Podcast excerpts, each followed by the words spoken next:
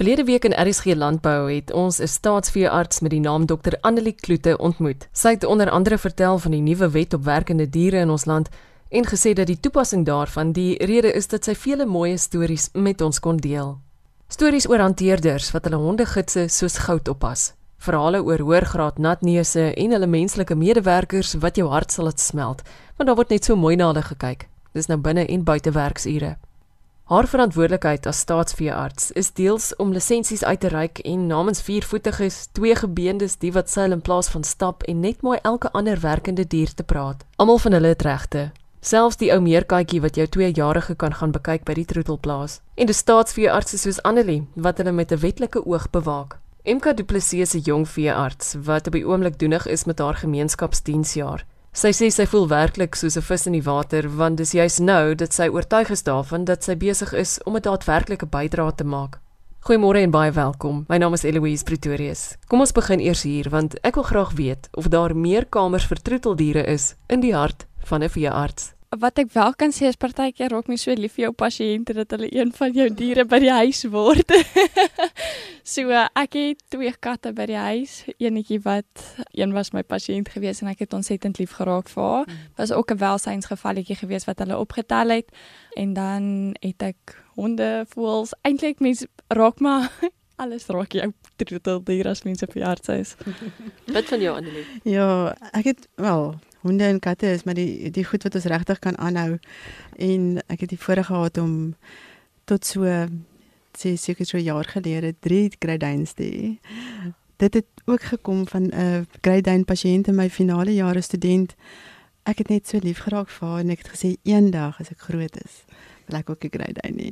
Nou ja, die ene het daar was seker so 6 en 'n half jaar en sy het 'n hartprobleem gehad wat maar partykeer geassosieer is met die groot ras honde en sy kon net nie meer cope nie so ons ons moes toe die stap neem dit was dit was een van daai goed wat mense miskien partykeer te laat uitstel maar ons het daartoe uitgesit en toe die die ou man hy was amper 12 hy het nie papiere gehad of enige iets nie maar dit was hierdie amazing hond wat net uit van ouderdom al 'n hart gehad wat bietjie vergroot het maar dit was nie 'n siek hart nie.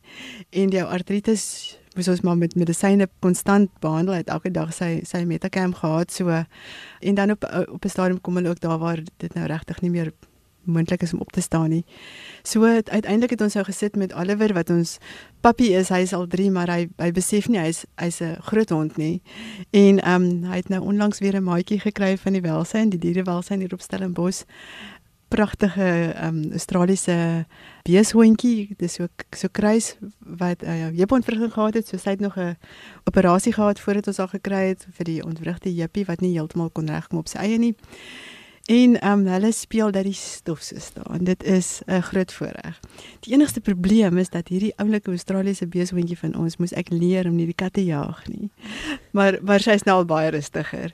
Die die die mooi deel daarvan is dat sy daai natuurlike instink het om goed bymekaar te maak. So die tarentale wat in ons erf kom kom wy sal regtig 'n geraas opsit maar hulle hulle hardloop nie weg nie. So, hulle vlieg nie weg nie want sy sy hanteer hulle verskriklik mooi.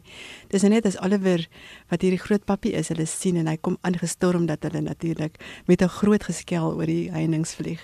So dit is ons drieldiere. Vertel vir my die mooiste storie van 'n Suid-Afrikaanse dier wat jy ken. Ek sal seker maar met teruggaan na my na my pasiënte toe. Dit was hier in die vroeë 1990s gewees wat ek oproep was na ure vir een van die praktyke waarvoor ek destyds gewerk het. En dit is 'n 'n bull terrier en die mense het regtig baie mooi na die na hulle hond gekyk uit op daai stadium 'n probleem gehad met sy asemhalingsstelsel en hulle het hom gestoom sodat hy makliker kon asemhaal. Ek was nie betrokke by sy vorige geskiedenis nie maar hulle het 'n stofie gehad met 'n gasstofie met 'n pot water wat gekook het sodat hierdie stoom nou die hond kon help wat hy ingeasem het. En die vlammetjie dood gegaan. En die hond het in daardie gasreuk basies nou vergas.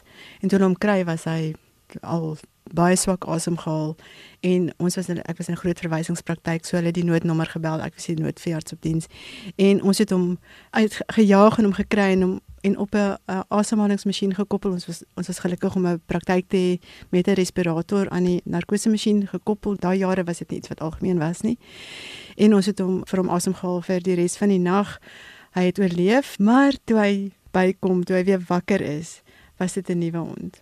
So daar moes seker maar een of ander skade gewees het dat hy op 'n stadium nie genoeg suurstof gehad het nie. Maar hierdie hond was net absoluut ongelooflik. Ek het 'n liefde vir vir die Bullterrier ras. Mense is baie keer afgesit omdat hulle so half kwaai lyk. Like. Maar daar's ontsettende oulike persoonlikhede daai. En hierdie hond was blykbaar maar 'n bietjie van 'n kwaai een van tevore. Maar somehow het hy net in my hart kom kruip en ek dink hy was net ek kon met hom basies enigiets doen. En hierdie hondjie het 'n totale persoonlikheidsverandering ondergaan en 'n fantastiese pasiënt geword wat ek ag, nog al die pad koester na baie jare in my hart. Hoe het hy gelyk? 'n Wit bull terrier, die tipiese een, tipiese een ja. waaroor mense worry oor velkanker op sy maagie omdat hulle nie in die son lê en sonbrand, so wat is so lief daarvoor. ek kan nie eers meer die naam onthou nie. Dit is soveel jare gelede, maar maar die gevoel wat so dier in jou hart los, is regtig kosbare herinneringe. Dr MK Du Plessis is besig met haar gemeenskapsdiensjaar. Hoeveel ander veeartse is daar in Suid-Afrika soos jy op die oomblik? Daar is 100 plus minus 160 van ons wat klaar gemaak het en ons is versprei oor al 9 provinsies van die land en hierso in die Wes-Kaap is ons 25. Ek wil dit terugbring na die nuwe wet op werkende diere in ons land. Dr Annelie Kloete verduidelik wat is die reikwyte daarvan en sê hoeveel Suid-Afrikaanse diere daardeur bevoordeel word. Ons het nou al reeds gepraat oor die sekuriteitsbedryf wat 'n groot deel is en dan is daar die filmbedryf ook 'n redelike groot komponent, maar dit sluit ook vermaak, bewusmaking, toerisme in. So ons kyk hier na dieretuine en rehabilitasiesentrums, die Two Oceans Aquarium hier in ons provinsie, avontuurtoerisme soos byvoorbeeld om saam met 'n krokodil te duik is deel daarvan. Enige diere wat basies onder die bestuur of beskerming of beheer van mense is, wat werk of wat uitgestel word of wat uh, na gekyk kan word, is diere wat dan nou volgens hierdie wet gelisensieer behoort te word. En dan ook die troeteltuine, met ander woorde, dis nou waar dis basies ons petting zoos. Hulle is ingesluit en dan en wel meestal is dit dan plaasdiere. Ek moet sê vir my is dit nogal swaar as veearts om 'n wilde dier te sien wat baie keer aangeraak word. Dit gebeur soms mens met mens mens moet in ag neem dat as mens met enige wilde dier uil kyk en wat uit sy nes geval het werk en mens stel hulle op dan is daar iets wat gebeur in terme van sy sosialisering en hulle bind baie keer aan mense dan kan hulle nie weer vrygelaat word nie want hulle kan kan dikwels nie meer vir hulle self sorg nie. Ons neem met imprinting op iemand vasgelê. Hulle is dan gewoond aan mense en kan dan nie weer gebruik word nie. So al hierdie tipe van bewusmaking is deel van die lisensies wat ons uitreik. En dan ook die avontuurlike goed soos kulkunstenaars wat met diere werk.